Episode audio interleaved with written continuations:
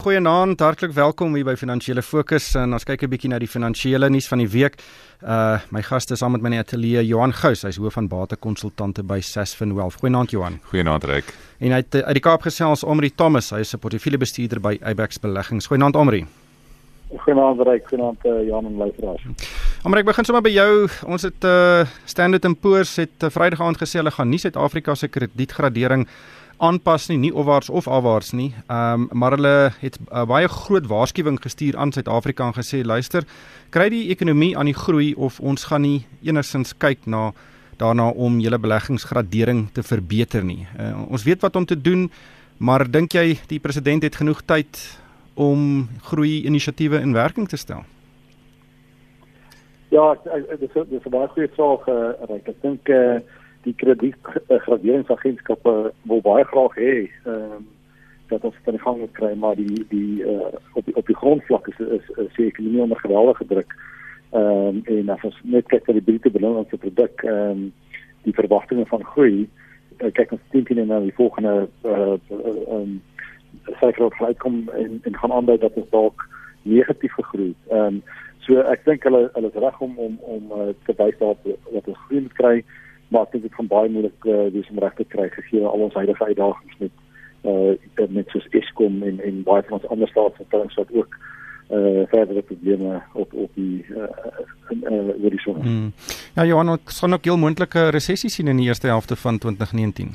Ja, dit wil lyk of met die Reserwebank se uh, aankondiging uh, van rentekoerse hierdie week het hulle aangedui dat hulle verwag dat die eerste kwartaal dalk uh daar wel 'n inkrimping in die plaaslike ekonomie gaan wees en dit kom dan weer terug na die storie van S&P uh, en en ek ten minste dink ek ryk die die positief was geweest dat hulle ons uh, vooruitsigte stabiel gehou het vir nou, maar onthou S&P uh, um, en ook Fitch het in 2017 al ons na 'n uh, uh, kom ons sê 'n um, spekulatiewe status afgradeer. En uh, ek dink nie op hierdie stadium jy weet uh, dis vir nou dit gaan nog rukkie vat voor ons weer ons be, bele, beleggingsstatus terugkry. Um, maar hulle duidelik gesê jy weet hulle hulle glo dat met hierdie verkiesings nou agter die rug het die regering nou wel dalk 'n bietjie um, jy weet uh, die nodige ruimte om die nodige stappe te neem om ons ekonomie in die gang te kry en baie belangrik ook dan te kyk na jou staatsbeheerde organisasies en hulle het Eskom spesifiek weer eens as die een groot risiko uitgewys. Ja, omre gepraat van Eskom, Pakamani Hadebe, die uitvoerende hoof het Vrydag bedank. Ehm um, en die redes wat voorgehou word is mediese redes. Uh, ek dink daar is uh, dis seker een van die mees stresvolle uh posisies in Suid-Afrika. Uh wat het jy van van sy bedanking gedink? Ja, ek sê reg ek ek dink jy slaan spyker op die kop. Ek dink daar is seker nie 'n meer stresvolle posisie uh op die oomblik nie. Ehm um, behalwe dalk as jy die president van Suid-Afrika sou wees. maar eh uh, Pakamani was al twee keer in die laaste paar maande hospitaal toe geneem met met 'n inkstotings. Ehm um, hy het al twee keer hy het al twee keer probeer bedank wat hulle oorreed het om om aan te bly. Ehm um, so ek dink ehm um, dit is uh, mens kan verstaan dat hy ook oor gesondheidsredes bedank. Maar baie interessant, die voorsitter van die Eskom krisisspan, uh, Anton Eberhard, het uh, in 'n in 'n Twitter um, uitlater gesê um, hy hy verwelkom die bedanking en dat eh uh, dat dat dit lankal agter die skerms daar is eh uh, nie die musie se se bedanking. So ek ek dink as ek in die mark al gehoor ehm um, dat die mark bekommerd is dat hy nie opgewasse is is vir die uitdaging nie en ek, ek dink hierdie is 'n geweldige krisis en en en 'n groot taak. Ehm um, en vir om te verwag dat een ou um, al die vorige jare ge sy probleme met met uitsorteer is, is baie moeilik. Ek kan natuurlik baie daarvan hou om om iemand soos Paul Clark wat uh, die vorige finansiële direkteur so 'n paar jaar terug was ek terug te sien in tuig maar ek dink dit gaan dit gaan moeilik gebeur. Ja maar Johan een van die probleme ook is daar soveel kommissies wat goeders ondersoek by Eskom van instandhouding deur tot uh die kontrakte wat toegeken is. Uh en dit is nie asof die uitvoerende hoof die mandaat gekry het en gesê luister, hmm doen jou werk en ja. met, maak hierdie plek reg nie. En dit is een van die redes uh, daar's daar's verskeie redes dalk hoekom ehm uh, meneer Adebe nou uh, besluit het hy gaan eerder uh, nou maar Eskom verlaat. En een van hulle was die vraag was hy werklik bemagtig geweest? Daar was sprake geweest van meneer Gordhan wat dalk so 'n bietjie ingemeng het. Die vakunie sê die lewe vir hom baie moeilik gemaak. Daar's nou 'n nuwe regering. Ons weet nie eers of meneer Gordhan in die posisie gaan opeindig waar hy moet opeindig nie. En dan sou Dinsdag kom waar hulle dan aan die raad uh, weer die finansiële finansiële verslag moes voorlê waar daar verwagting is dat Eskom weer 'n 20 miljard rand verlies gaan wys. So ek dink reg al hierdie goed het net opgebou en jy weet hulle praat in rugby van 'n hospitaal aangee en ek dink iemand soos Hadebe het net hierdie absolute hospitaal aangee gekry toe hy Eskom moes oorvat en um, as daar nie die nodige ondersteuning was nie, um, dan kan 'n mens verstaan as iemand wat werklik omgee oor sy rol en eienaarskap vat, sal een moontlik fisies en in sy liggaam ook voel. As iemand daar is net suiwer vir die posisie en vir die geld, sal hy dalk vir 'n langer tyd kan oorleef, maar ek dink hier was iets wat werklik swaar op meneer Hadebe geweg het. Ja, interessante storie en ons sal dit volg. Maar soos jy ook vroeër gesê het, dis een van ons grootste uitdagings. As as vir Eskom kan op 'n op 'n beter pad sit, dan sal die hele land daarby baat. Ehm um, Omri, uh kom ons kyk vinnig na koöperatiewe nuus. Ehm um, uh Old Mutual het vir Pieter Moyo uh geskort hierdie week skynbaar oor 'n verbrokkeling van 'n vertrouensverhouding uh wat spruit uit 'n botsing van belange. Uh groot woorde, maar ons weet nie eintlik heeltemal presies wat gebeur het nie. Ja, reg, dit, dit is baie interessant. Ehm um, dit gaan oor uh, sy belang in NMT Capital uh, Capital. Nou dit is 'n uh, bemagtigingsvoertuig waarvan hy voor in die hoofuitvoerende uh, beampte was en ook die hoofaandeelhouer. Nou voordat hy aangestel is, het ook net so reeds befondsing van nader aan die 300 miljoen rand gegee aan aan hierdie aan hierdie voertuig. So met sy aanstelling was dit nie onbekend dat ehm um, hy dat dat daar hierdie konflik van belang was nie. Nou aanvanklik het die raad gesê hulle gaan dit heeltemal ehm um, met 'n Chinese uh, manier hanteer en en hy mag nie betrokke wees met enige uh, besprekings oor oor daai bemagtigingsvoertuig op die befondsing nie. En en hoe dit lyk is dat hy wel sy invloed gebruik het ehm um, met hierdie bemagtigingsvoertuig. Ehm um, en dit het gelei tot uh, gesprekke tussen hom en die raad wat oor maande geduur het en uiteindelik het hulle die aankondiging gemaak dat daar betrokke was vertroue ehm um, jy's oor die deursigtigheid eh uh, met hoe jy se konflik van belang eh uh, hanteer het. So ek dink dit is dit is eh uh, Ja, maar die manier hoe jammer dat dit gebeur het, maar maar dit dit is ook beter in vir die job doen. Maar die manier hoe dit aangekondig is uh, was ehm um, Johan basies uh, daar was 'n vertrouensbreuk en uh, ons het uh, die uitvoerende hoof van Al Mutual uh, internasionale maatskappy net bloot geskort. Daar was nie redes verskaf ja. nie.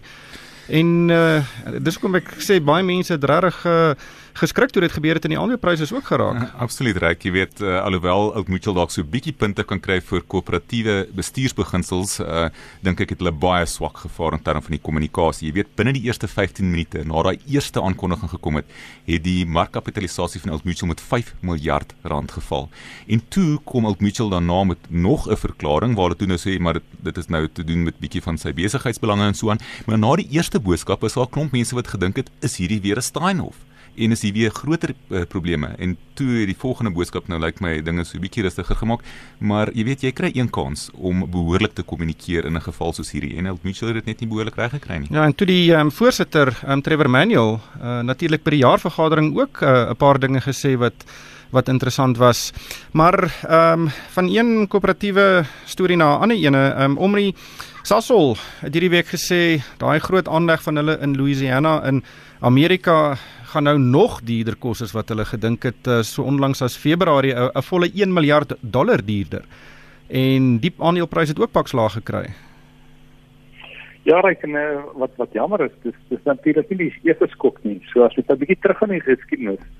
Ehm um, aanvanklik was Lake Charles aangegee as as 'n uh, ongelooflike uh, uh, uh, beskikbare projek wat hulle aanpak aanvanklik was die gesprekke op beleggingsbesoek ek dink in 2017 dat hulle tot om uh, ongeveer 1 miljard dollar se uh, EBITDA kan verdien en aanvanklik was die kapitaalkoste geraam op uh, 8.9 miljoen dollar. Nou hierdie kapitaalkoste oor tyd het bly opskuif en in ek dink in 2018 het hulle gekyk na na 11 miljard dollar en toe is die EBITDA al afgeskuif na hierso tussen 250 tot 300 en met elke verdere opdatering en um, dit daai syfer bly afskuif en die kap, uh, kapitaal ehm um, wat hulle ehm um, sou spandeer het opgeskryf.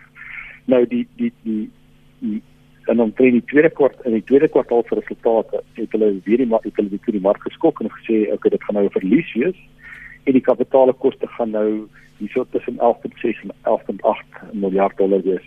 Maar hulle het gesê moenie bekommerd wees nie, die projek se trend 96% voltooi. Nou van daai laaste 4% het die ehm um, die verlies nou opgeskryf van on, ongeveer 170 miljoen, uh, miljoen dollar na tussen 300 en 350 miljoen dollar en die kapitaalkoste nog 'n nog 'n miljard dollar hier. So ek dink Safo bestuur het het, het die laaste 2 maande alle krediet kredietwaardigheid verloor en uh, daar's baie vrae wat moet gevra word van die raad van Safo. Ehm um, wie het hulle toegelaat dat hierdie dat ehm um, hulle nie in beheer is van wat daar aangaan nie en dat koste so uit uit heeltemal ehm um, uit hulle beheer en um, gespiraal het.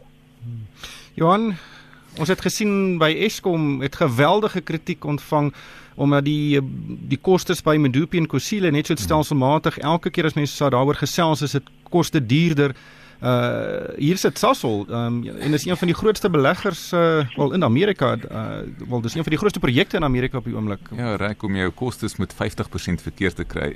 Dink jy moes dan nou gaan daar ernstige vrae gevra word oor hoe het jy jou berekeninge gedoen en die feit is Sasol is 30% af die laaste maand in terme van sy aandeleprys. So beleggers is definitief hou hulle nie van wat hulle hoor nie en daar is groot onsekerheid uh en ek dink so 'n bietjie uh, wantrou op hierdie stadium bestuur se um, oordeel. Maar wanneer val jy nou op jou swaard of wanneer hoeveel keer kan jy jammer sê? Uh, en wanneer val jy op jou swaard? Dit is seker soos om uh, wanneer dit wanneer is genoeg genoeg. Ja. Maar julle is uh, in die batebestuursbedryf uh, hou julle Sasol aandele in gaan julle voorsit by die jaarvergadering en 'n bietjie teen sekere aanstellings stem? Ehm uh, reg ek dink ek dink dit is 'n baie goeie vraag. Ehm uh, dit is dit is definitief maar 'n bespreking by ons. Ehm um, ons het ehm um, ons het uh, al klaar 'n brief opgestel wat ons aan die raad gestuur en ehm um, ek dink daar sal gevra word. En as ons kyk na bonusse en uh, wat betaal is in die, in die verlede dit is vra ehm um, moet daar nie met die van die bonusse nie terugbetaal word wanneer wat gevra is. So ek dink as as definitief vra geslaan met uh, word van die van die bestuur en uh, ook van die raad van direkteure hmm. Ehm um, Johan kom ons gesels 'n bietjie oor markte. Ons het uh, met hierdie handelsoorlog tussen Amerika en China het ontleikende markte reg oor die wêreld regtig pak slaag gekry. Suid-Afrika het sedert 3 Mei, 3 Mei dis basies wat net so meer as 3 weke het ons beurs met 8% geval. Uh in dieselfde tydperk het die Chinese beurs met 7% geval en die S&P 500 in Amerika met met 4%. En dit, ons het ook basies al die die winste en aanhalingstekens wat ons sedert die begin van die jaar gemaak het, het ons sal teruggegee. Ja, reg, ongelooflik. Jy weet tot en met daai 3 sê maar rondom 5 Mei omtrent uh, was daar 'n redelike positiewe sentiment gewees. Die uh, Federale Reservebank in Amerika het gelyk of hulle meer akkommoderend met rentekoerse gaan wees. Die kwartaal 1 uh, eh, ekonomiese groei in die FSA en China was nog heel aanvaarbaar en dalk bietjie beter as verwag. Maatskappyverdienste het momentum agter dit gehad, maar sedert daai tweede week van Mei uh toe het sentiment skerp gedraai en handelsgesprekke tussen Amerika en en China het toe nou begin kommer dat uh, ontstaan oor wêreldekonomiese groei. Wat beteken dit vir maatskappyverdienste? En jy kan dit ook sien in die oliepryse wat onder druk gekom het. Toe is daar Brexit um en ons uh weet nou dat ons uh, dat hierdie situasie rondom Brexit eintlik nou nog net verder um moeiliker geraak en meer onsekerheid geskep. Maar uh die feit is daar's ten minste nog steeds monetêre beleid wat so 'n bietjie ondersteuning bied. Ek dink wat vir my baie interessant is reik is die feit dat die rand eintlik baie stabiel stabiel was onder al hierdie omstandighede. Ehm um, ek dink die volgende paar maande die handelsgesprekke gaan nog steeds domineer en dan ook Brexit. Hmm. Omri, wat dink jy van die markte? Ja, ek ek, ek wil saamstem met jou aan. Uh, dit is ongelooflik hoe uh, iemand se Twitter boodskap van 180 uh, woorde 'n maksimum so groot impak op op wêreldmarkte kan hê en en uh, die markte word heidaglik gedryf deur die konflik uh, die konflik handelskonflik tussen Amerika en China. So 'n paar weke terug was ons op 'n hoogtepunt en dit was 'n uh, 'n goue lokkie scenario en uh, en nou sit Jakob en Wolf tussen tussen Amerika en China. So die hele houe wat uitgedeel word tussen tussen Amerika en China en ons het nou onlangs gesien dat daar slagoffers is soos waar we in uh, selfs nou um, gesprekke oor die panda beer en die San San Diego dieretuin wat van China afkom. So baie uh, uh, onskuldige slagoffers met uh, met hierdie uh, handels uh gesprekke tussen Amerika en China. Ja. Wel, ek dink uh, ontleikende markte kry nogal seer en en, en dit hooplik het dit 'n beter einde as wat dit te begin gehad het. Ehm um, dan die uh, Brexit ehm um, probleme hierdie week het ook uh, voortgeduur. Theresa May het nou bedank ehm um, Johan uh en dit is al dit is verwag, maar dit lyk of die Europese Unie nou bietjie bietjie dwarstrek en basies vir Brittanje sê julle het julle kans gehad. Ja, Ryk, dit is dit onthou dit was 'n 3 jaar uh scenario wat ons hierna kyk waar die mandaat gegee is en Theresa May kon ongelukkig net nie daaraan uitvoering gee nie en sy het haarself heeltemal geïsoleer ten opsigte van haar eie party, die Britse parlement, die Europese Unie en daar was nie genoeg steun gewees en, en sy het nie daai mense saamgevat of daai partye as deel van die onderhandelinge nie. Uh nou na 7 Junie sal haar opvolger binne 'n week aangestel moet word en dit ek kan nou al vir jou sê die kans is baie goed dat daardie persoon wat in haar plek gaan inkom gaan weer eens probeer om met die Europese Unie te onderhandel. Die Europese Unie het klaar gesê julle tot 31 hmm. Oktober ons wil nie weer onderhandel nie. Um en ek dink dit gaan maar net verder onsekerheid skep uh, wat die markte tans nie nodig het nie. Ja. Omre dink jy daar's 'n uh, enigstens 'n positiewe ehm um, uh element tot Brexit op die oomblik? Ek het gesien kyk wie wie die uh moontlike uh, opvolger kan wees. Uh, Lyk dit of Boris Johnson die voorloper is en uh hy was nog altyd meer uh amper kom ons sê hard om a, om a, om regtig Brexit te doen. So ek dink dink die kans op geen ooreenkoms en uh wat hulle noem 'n hard Brexit het dit wesentlik ver, verhoog. Ehm um, en ek dink daar selfs dalk die kans dat hulle weer moet gaan van die teruggaan vir 'n referendum. So ek dink hierdie hele gemors waarin uh, bevind hulle hulle self op die oomblik vind gaan nog 'n hele ruk uitduur en ek dink soos Johan reg op uh, opgemerk het en ek kan verstaan die Europese Unie maak nou 'n bietjie hulle rustig en sê maar julle moet nou julle huis in orde kry en uh, en uh, ons het 'n land maar gegee en, en daar daar kom niks van nie. So ek ek dink dit gaan dit gaan nog nog hele rukkie 'n uh, gemors is daar in in Brittanje. Hmm. Dan net laastens Johan, uh, die president gaan hierdie week uh, sy kabinet aanwys. Uh dit is 'n uh, ek dink baie mense gaan met 'n uh, vergrootglas kyk na sy keuses en die aantal en die individue wat daar is. Uh en dit is een van die eerste dinge wat hy kan doen om te wys wat die rigting gaan wees vorentoe. Ja, reik in kort. Eerstens wil ek sien dat die ehm um, regering kleiner gaan wees. Ek dink dit sal 'n positiewe sein stuur aan die kredietgraderingsmaatskappye dat ons ernstig is oor kostebestuur. Dit gaan ook om beter beheer gee oor minder ministers. Tweedens wil ek dan sien hoe skoon se regering gaan wees in terme van ehm um, die tipe van mense wat daar gaan wees waaroor daar dalk 'n wolk hang en ek dink simbolies gaan dit baie belangrik wees uh, of 'n sein stuur van hoe ernstig hy oor korrupsie is. Dan die sleutelposisies. Wie gaan sy tweede in bevel wees? Mabuza, Pandor, finansies Hoopelik sal dit in Mboweni wees, openbare entiteite hoopelik nog steeds Pravin Gordhan en dan gaan dit oor kontinuïteit. Gaan daar Mantash Radebe is 'n Zulu, 'n Sele wees. Dit hang af wie is die beste persoon. Amri, wat verwag jy? Ja, ek ek dink Johannes het baie op uh, goed opgesom. Ek dink meneer Ramaphosa uh, of president Ramaphosa is in 'n moeilike posisie na die afkondiging van die openbare beskerming, die CCW, uh, Makubane wat basies uh, gesê het uh, meneer Gordhan uh, of of om 'n verdenking geplaas het en dit is juist die rede hoekom meneer Mabura homself nie onmiddellik beskikbaar gestel het en hy wil eers sy naam skoon maak. So dit is 'n moeilike uh, taak wat hy nou het om om 'n kabinet saam te stel met ouens wat wat die korrupsie beveg het en wat wat mense daar sou sien maar hierdie ehm um, uh, uh, van uh, verslag van uh, die openbare beskerming wat wat is is 'n swaar oor oor 'n maand. So gaan baie interessant is om om te sien wat ek ek sien saam met Johannes 'n kleiner kleiner kabinet sien en die plek van 'n paar van die mense wat onder verdenking is wat die deel uitmaak van die kabinet. Ja, ek hoop kan dit uh, regtig vertroue herstel en 'n uh, knap en doeltreffende kabinet uh, sal verseker vir Suid-Afrika wondere verrig val Johan van dat ons uh, ons kom van 'n baie lae lae basis af op die oomblik en ek dink enige een so enige so kabinet kan kan vir sake vertroue groot verskil maak. Maar ongelukkig hierdie tyd ons ingehaal baie dankie aan Johan Gous, hy's hoof van batekonsultante by Sasfin Wealth en ook Amri Thomas, hy's 'n portefeuljebestuurder by Abex Beleggings in die Kaap en van myself Ryk van die Kerk. Dankie vir die saamluister en ek koop almal 'n winsgewende week.